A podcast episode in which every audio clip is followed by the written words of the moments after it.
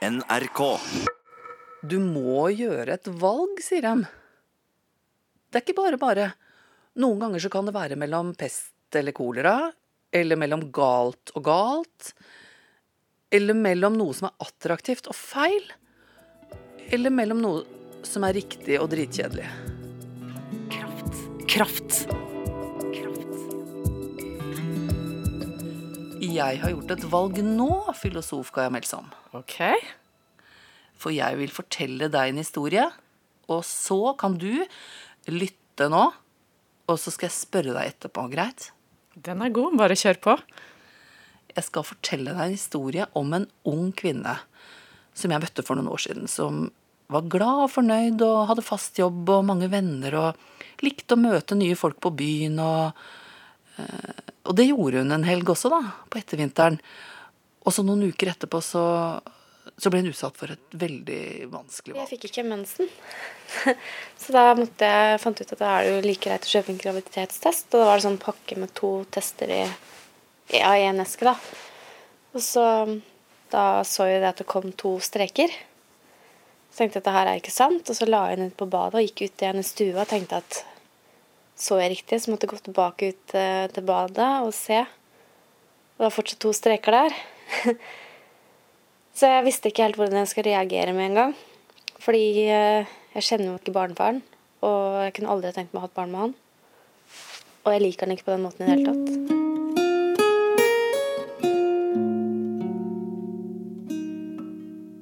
Selv om det bare er en liten celleklump som er inni meg nå, så er det fortsatt noe som vokser. Og var det egentlig da, når vi mennesker ble skapt, var det egentlig meningen at vi skulle ha det, den muligheten til å ta abort? Det er egentlig litt sånn jeg tenker. At det, det er jo skjedd, det er jo et liv.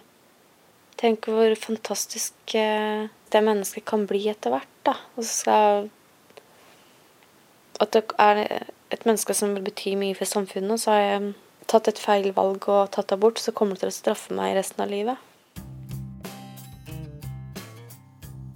Det var en tilfeldig kveld med en tilfeldig fyr. Hun er 27 år. Tankene kommer. Hun er i grunn veldig glad i babyer. Tenker på all kosen med å bli mor. Tenker på ansvaret. Forpliktelsen. Det var ikke sånn hun hadde sett det for seg. Med en far til barnet som hun ikke kjenner. Men hun vet at hun er i stand til å være mor alene. Men dette vil jo knytte henne til den tilfeldige fyren for resten av livet. Men det er et liv. Hva skal hun gjøre? Om ti dager så tar hun et viktig valg. Først skal jeg til samtale med sosionomen. Da vil jeg gjerne spørre om hvordan andre jenter har reagert når de har tatt en abort. Hvordan de har det i ettertid. Om de har tilgitt seg selv, om det var det riktige valget. Og hva slags alder de er i når de tar abort. Om de har blitt enige med barnefaren om å ta det, eller om ta abort, eller om de har eh, tenkt ut på egen hånd.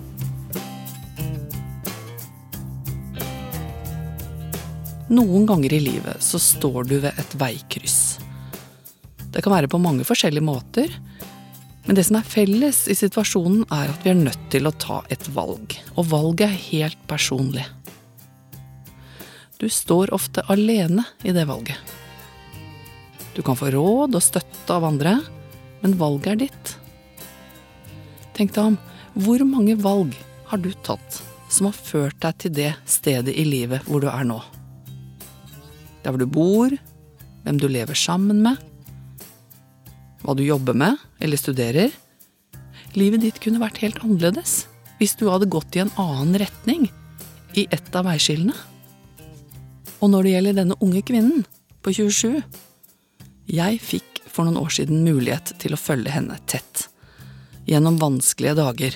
Fra hun oppdaget to streker på graviditetstesten, til hun tok et avgjørende valg for livet sitt.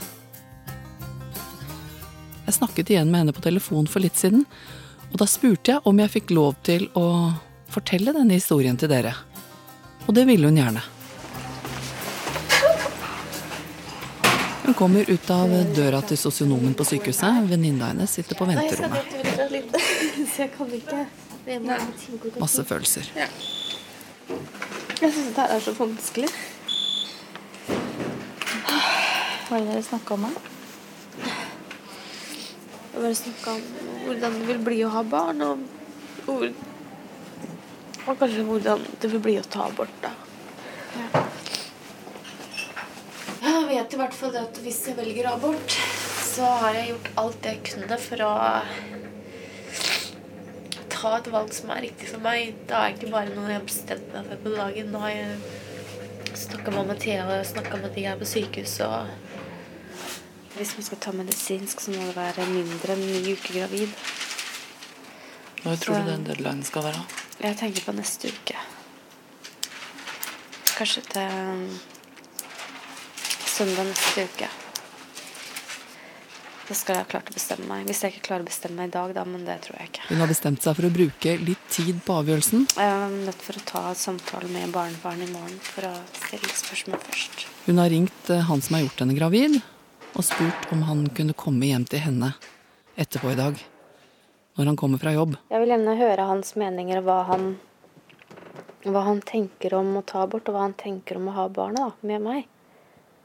Og da, jeg, da er det viktig for meg å høre hva slags meninger han, og tanker han har om, om fremtida. Jeg er ikke interessert i å høre om hva han syns om abort. Men hans meninger om hvordan vi skal dele ansvar, og hva slags far han kommer til å bli, da, det vil jo være veldig viktig for meg.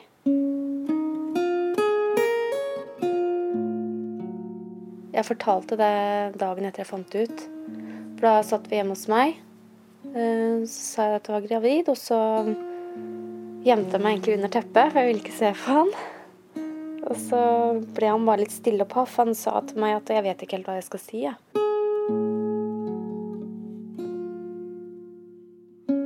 masse spørsmål til han om hvordan barneoppdragelse er for han.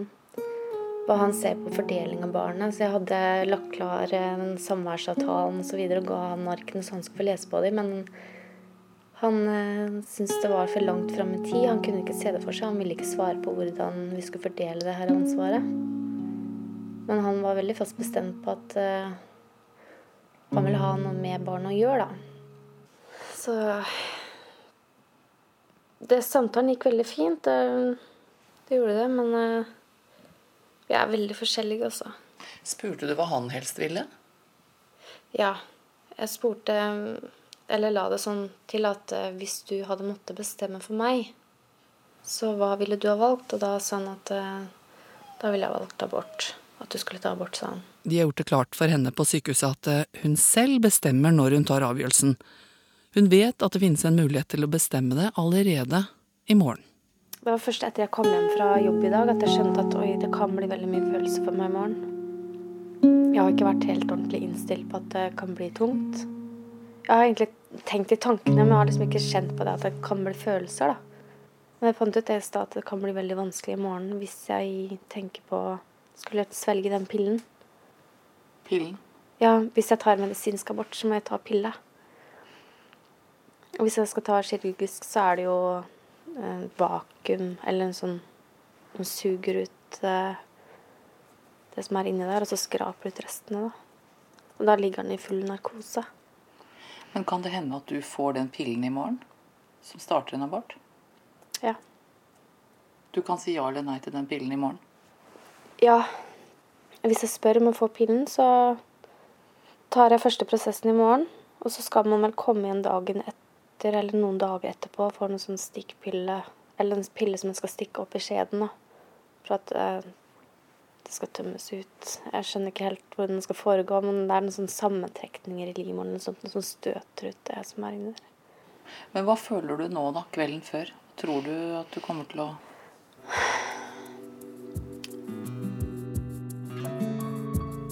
Hun vet ikke. Hun vet virkelig ikke. Hun har ikke fortalt det til familien sin. Vil ikke belaste dem.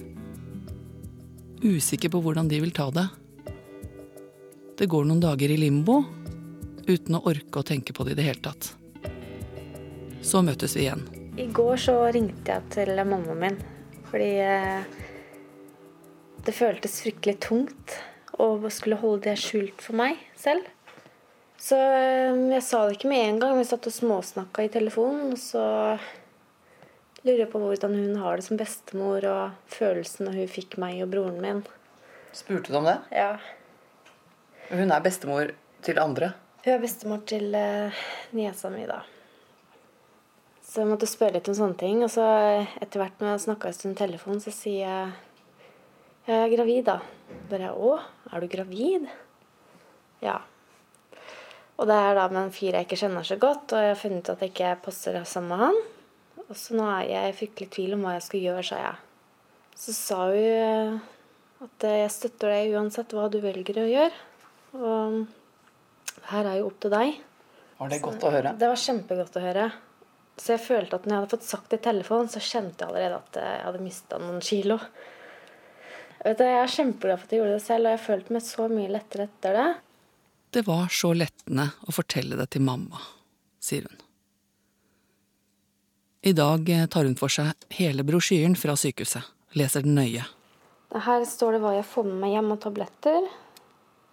Og så at jeg skal ha noen hjemme hos meg den tiden jeg tar Cytotec-tablettene i skjeden.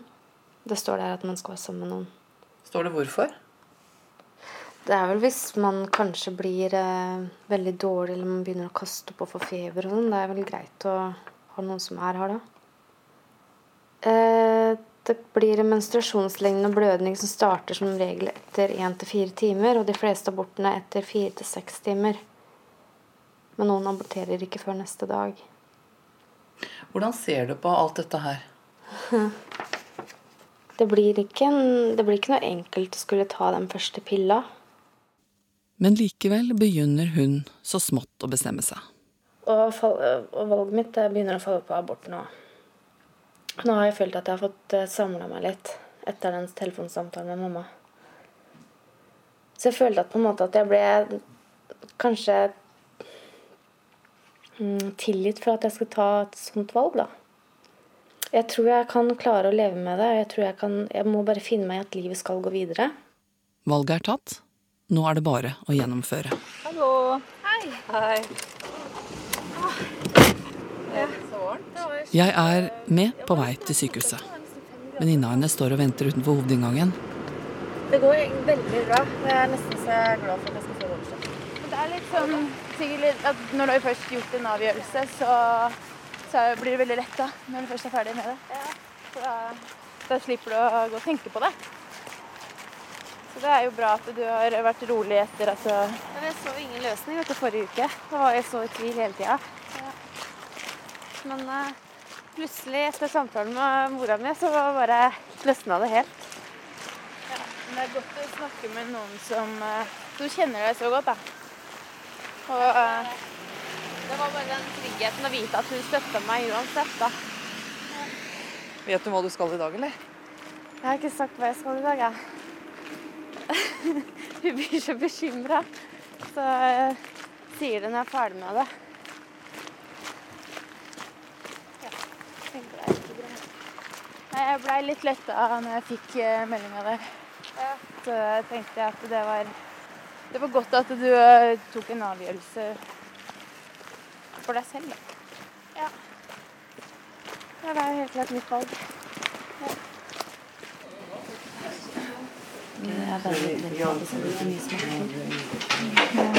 Men du får med smertestillende? Hvis det hjelper, så. Hun får en pille som hun skal ta med en gang hun kommer hjem. Og fire andre stikkpiller som hun skal ta dagen etter. Hun reiser sammen med venninna til leiligheten sin, og jeg drar hjem til mitt. Om kvelden prøver jeg å sende en SMS. Jeg får ikke noe svar. Morgenen etter så sender jeg en ny SMS. Jeg prøver å få kontakt med henne. I svaret står det Jeg har venninna mi her. Jeg snakker ikke. Har fryktelige smerter. Vil være i fred. Dagen etter drar jeg opp til henne. Hun ville ikke ha kontakt i går, den dagen aborten skjedde hjemme. Jeg var redd når, jeg fikk, når, det svart, når smertene var på det verste, så kjente jeg at bare Hva i all verden skal jeg gjøre? Det her er så uvirkelig for meg. Det er så intense smerter. Det var liksom sånn at jeg orka ikke å snakke ingenting. Jeg måtte bare fokusere på liksom bare prøve å skjønne at det skal, det skal sikkert gjøre så vondt, og jeg må bare finne meg i det her. Det er snart over. Så ja. Det var eh, ganske mye blod og veldig mye klumper, da. Alle de restene skulle jo ut. Altså, jeg tålte ikke den lyde, for jeg sa du kan gå, gå og sette deg i TV, nei, stua og skru på TV-en hvis du vil det. Eh, Jeg tålte ikke lyder, ingenting. Så jeg måtte bare Du må skru av TV-en.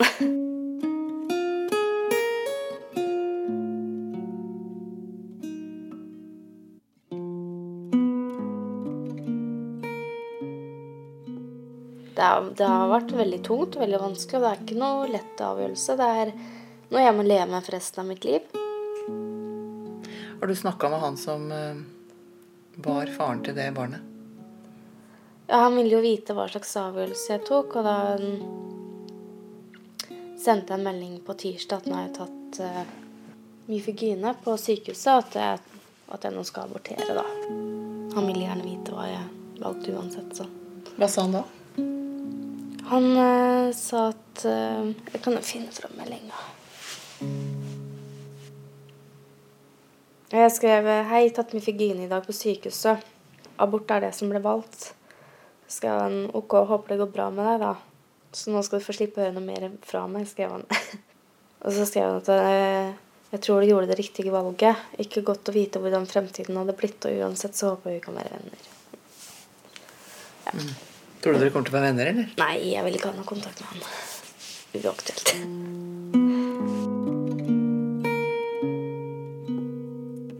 Jeg er ikke stolt over å ta abort, altså. Det er stikk motsatt. Men eh, at jeg klarte å komme over de smertene Det var de smertene som var vondt. Det var helt forferdelig. Men jeg er absolutt ikke stolt. og men eh, sånn er det.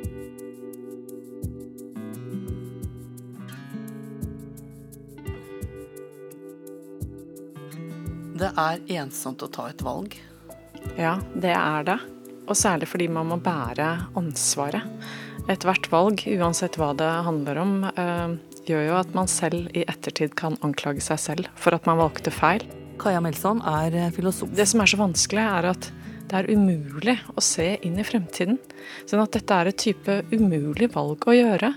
Og når jeg hører at hun leser brosjyrer, øh, prøver å sette seg inn i hva som vil være det riktige valget, snakke med barnefaren, så tenker jeg litt på Kirkegård, som sier øh, når det gjelder de små tingene i livet, sånn som hva vi skal ha på brødskiva, så kan vi godt veie for eller imot. Hva er lurt? Eh, Men de store valgene i livet, som gjelder partner, om vi skal få barn, eh, og yrke og i det hele tatt, så må vi, sier Kirkegård, da det ikke, går det ikke an å kalkulere seg fram til det rette svaret. Da må man bare kaste seg ut på de 70 favners dyp. Og det er det jeg tenker at denne jenta gjør, da. Og dette at hun trengte morens bekreftelse ikke sant? på at det er greit. Eh, og det syns jeg var veldig sånn Det rørte meg. Fordi vi alle mennesker, vi tar jo ikke Ja, vi tar valgene våre alene, men vi er jo ikke sånne ensomme øyer. Eh, Vi er jo alltid påvirket av verdiene eh, til menneskene som omgir oss. Altså vi er påvirket av verdiene i samfunnet vi vokser opp i, eh, i familien vi vokser opp i. Sånn at vi trenger Vi er både påvirket av det, sånn at det påvirker hvilke valg vi tar. eh, Men vi trenger også anerkjennelse på at de valgene vi tar, er gode og moralsk, moralsk gode. da. Eh, Og da går hun for abort, som av en eller annen Altså, eh, det, det Hun greier antagelig ikke å forklare det helt rasjonelt, for det er bare et valg du Ja, hvorfor greier man ikke å forklare det rasjonelt? For det er kanskje sånn med de vanskeligste valgene. Ja. Og du vet ikke helt hvorfor du velger som du gjør. Nei, og, og det kan man jo prøve å øh, systematisere litt. Hvorfor er det så vanskelig med de store valgene? Eh, jo, det er fordi hva er egentlig et rett valg, kan man, kan man lure på. Uh, og hva f.eks. hvis man stiller um, sånne selvhjelpsguruer eller uh, eksperter ved det spørsmålet, så vil noen av dem kanskje svare at du må lytte til magefølelsen. Du må kjenne etter i hjertet. Men ja, hva forteller hjertet deg? Hva forteller magefølelsen deg? Du har et begrep du bruker. Den fordømte friheten. Ja, det kan kanskje høres litt, eh, litt, rart ut at jeg sier det. Fordi vi vet jo at folk eh, til alle tider har lengtet etter frihet. Mange setter likhetstegn mellom lykke og frihet. Eh, og våre forfedre har kjempet blod og svette, eller ofret blod og svette, for å, for å gi oss alle de valgmulighetene vi har i dag. Så vi er jo fryktelig heldige. Og så blir vi hele tiden fortalt at hvis vi våger å leve ut våre drømmer, hvis vi våger å lytte til magefølelsen, gå vår egen vei, gå mot strømmen, lytte til vår indre stemme, ja, da vil vi bli lykkelige. Men Kaja, kan man da rett og slett tenke jeg må skape meg selv litt mindre frihet, for dette blir sliten av? Jeg tror det er det mange gjør uh, ubevisst, ved at de skammer seg over ikke å være selvrealiserte nok. Over ikke å leve kreativt nok, ikke være unike nok, ikke være spennende nok. Eh, og derfor så flykter de friheten på den måten at de lager seg et slags eh, fengsel av plikter. Som gir dem en slags unnskyldning overfor seg selv og andre for hvorfor ikke de lever et mer unikt og spennende liv. Ja, mener du f.eks. at man sier sånn Nei, du skjønner, jeg har så mye Jeg har, jeg har opptatt hele denne måneden og neste, altså. Ja, det er akkurat det jeg mener. Uh, at vi lager oss strategier uh, for å komme oss unna den friheten. Fordi man har et så stort ansvar for å skulle velge selv, og for å skulle velge rett, at man ikke at man ikke greier å slå seg til ro med noe som helst. Fordi vi blir jo for, fortalt at du kan velge fra øverste hylle. Ja, hva, når er jeg på øverste hylle? Når er det bra nok? Det tenker jeg er en, en uro som, som, mange sliter med i dag. Hvordan skal vi få vekk den uroen, da? Noe av problemet er jo at vi mennesker har så mange motstridende behov. På den ene siden ønsker vi lidenskap og spenning, på den andre siden vil vi ha trygghet og tillitsfulle relasjoner. ikke sant? Dette her går egentlig ikke i hop. Så når vi skal velge, så må vi velge mellom to motstridende behov som egentlig er like viktige for oss. Og det kaster oss jo inn i noen fryktelig vanskelige dilemmaer. Så må vi innse at det å velge er å velge noe bort noe som vi faktisk må leve med savnet etter, kanskje resten av livet. Og at det ofte er smertefullt. Jeg gikk inn på Facebook, og da fant jeg siden til eh, hun som jeg hadde fulgt for noen år siden. Den unge kvinnen. Så trykket jeg på profilbildet, og så kom hun fram. Sto der og smilte mot meg og på armen så hadde hun baby på nesten ett år. Jeg heter Kirsti Kraft. Konsulent er Hege Dahl. Og hvis du vil skrive til oss, så er adressen kraft. Krøllalfa. NRK.no. Kraft. Kraft.